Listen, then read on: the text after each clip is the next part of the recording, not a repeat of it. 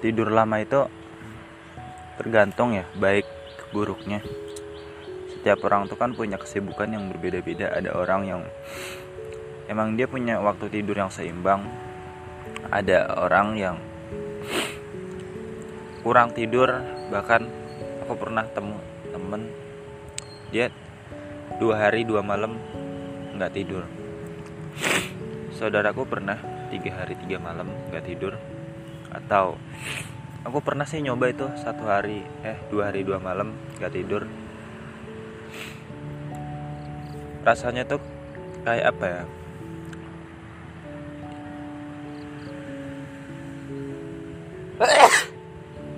Otak itu berasa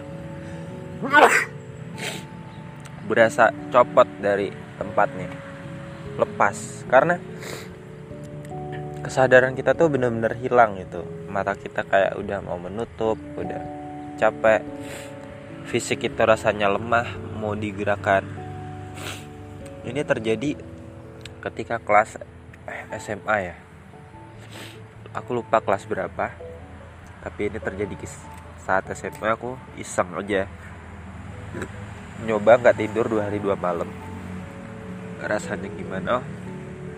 Nggak bagus ternyata rasanya tuh apa ya? Itu tadi. Uh, kita kayak kehilangan kesadaran tiba-tiba. Meskipun kita memulihkannya bisa dengan tidur 12 jam per hari tapi itu sama sekali nggak efektif. Lebih baik tidur tuh yang normal gitu loh. Ya mungkin kalau emang lagi sibuk-sibuk amat 4 jam lah per hari. Ada waktu tidur. Makanya sejak sekarang tuh aku mulai meneliti banyak pekerjaan yang kira-kira apa sih kerjaan yang sangat menguras waktu? Oh di dunia kreatif hiburan itu kan biasanya berkualitas tinggi. Nah untuk mendapatkan kualitas seperti itu ya kita harus korbankan banyak waktu. Salah satunya waktu tidur misalkan orang yang kerja di industri sinetron ya atau kejar tayang gitu. Mereka setiap hari kan kerja editing terus voice over dan lain sebagainya. Pemainnya deh pemain sinetron itu setiap hari kan kerja ya kalau kejar tayang. Kerjanya itu nggak cuma satu dua jam. Belum lagi jika mereka gagal. Tentu waktu tidur mereka sangat sedikit gitu loh. Aku nggak bisa membayangkan betapa kerasnya hidup karir mereka. Mungkin di masa muda mereka masih seger. Tapi kita kan nggak tahu namanya orang itu tubuhnya sekuat apa selemah apa. Sekuat kuatnya orang dia pasti drop dia pasti lemah gitu loh gak cuma pemain sinetron tapi ada juga kerjaan kayak buruh. Buruh itu biasanya sampai pagi kan? Dan gajinya pun gak seberapa ya mohon maaf gitu. E, kerja kantoran gitu. Ya mungkin mereka gajinya gede besar puluhan juta per bulan. Tapi itu nggak sebanding dengan apa yang mereka korbankan. Yaitu fisik mereka hancur waktu kebersamaan keluarga itu nggak ada. Aku merasa ada yang salah gitu loh di di sini tuh ada yang salah. Apa sih? Apakah pola pikir manusia itu sendiri? Ataukah emang kegiatannya? Kalau menurutku kegiatan itu netral ya. Tapi lebih ke manusianya. Manusia itu cenderung ingin berkompetisi dan menjadi lebih baik agar tetap eksis. Mereka itu kayak terlalu dikejar-kejar namanya rating, namanya target dan sebagainya. Aku coba bayangin kalau target dihapus juga rasanya nggak baik ya. Artinya target itu kan membuat kita semangat. Namun ketika kita overpower, pengen ngejar target bahkan lebih. Dan ketika target tercapai dan lebih, maka target itu kan terus meningkat, meningkat dan meningkat. Nah, di situlah kesalahan manusia. Manusia itu cenderung terburu-buru dalam meningkatkan target. Seharusnya kita harus tahu dulu kapasitas kita ada di mana, batasan kita di mana, terus kita bisa menjangkau sejauh apa. Jadi ada progres yang bertahap gitu loh. contoh realistisnya gini di perusahaan ya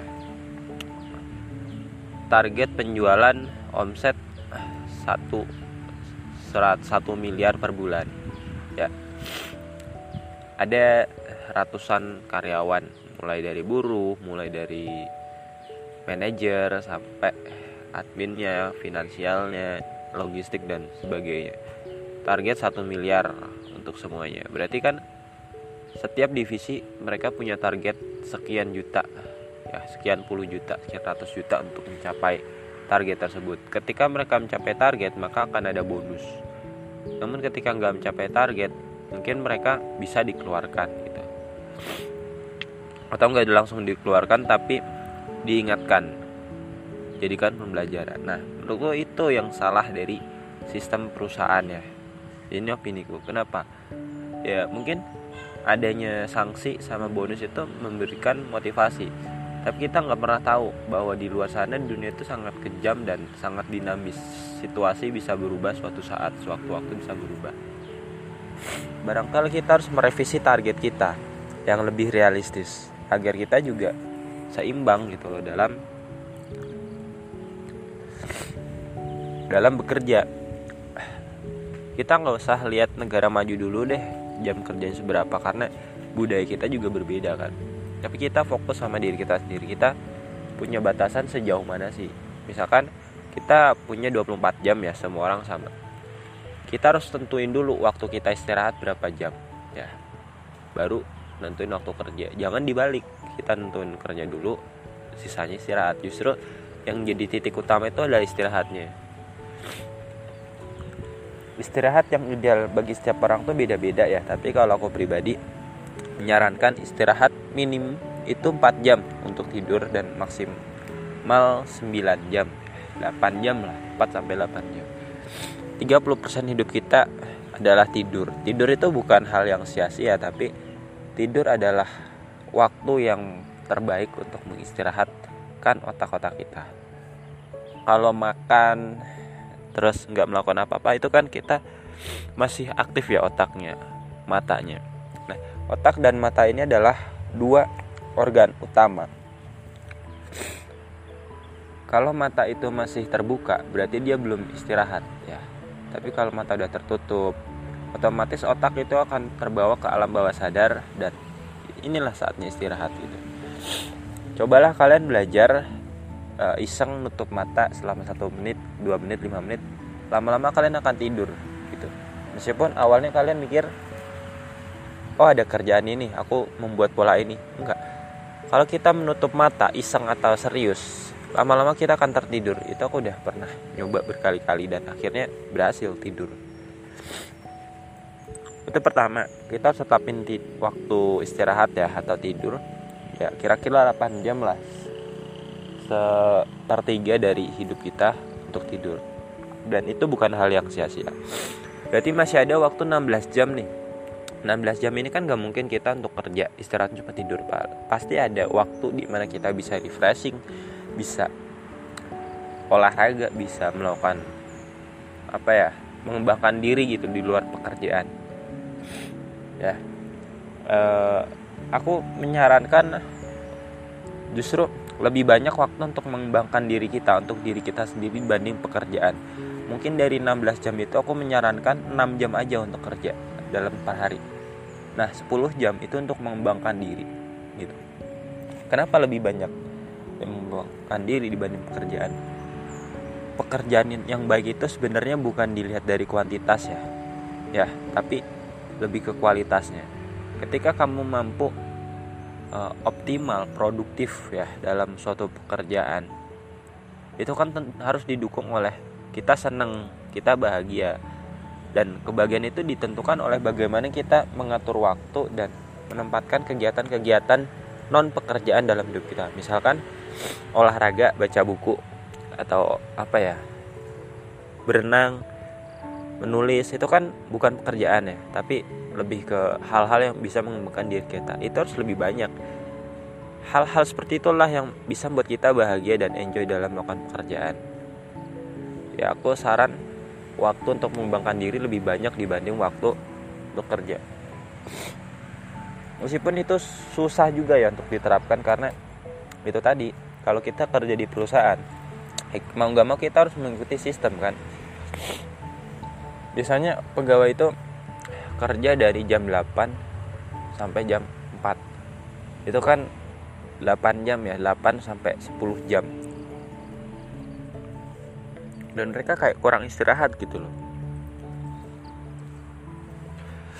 Aku rada kurang suka dengan cara kerja PNS ya. Kenapa?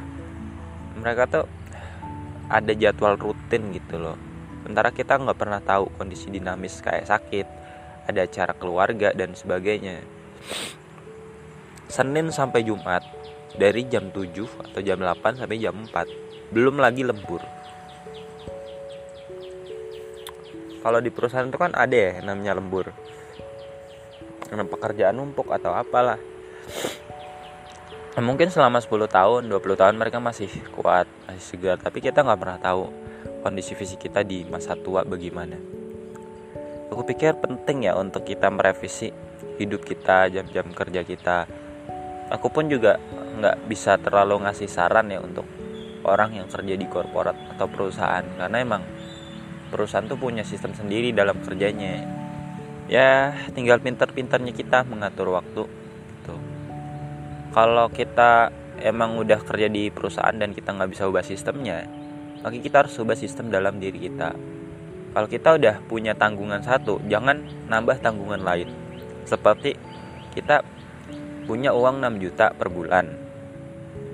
Kita mau ini itu nah itu kan sifat dasar manusia ya pengen apa-apa.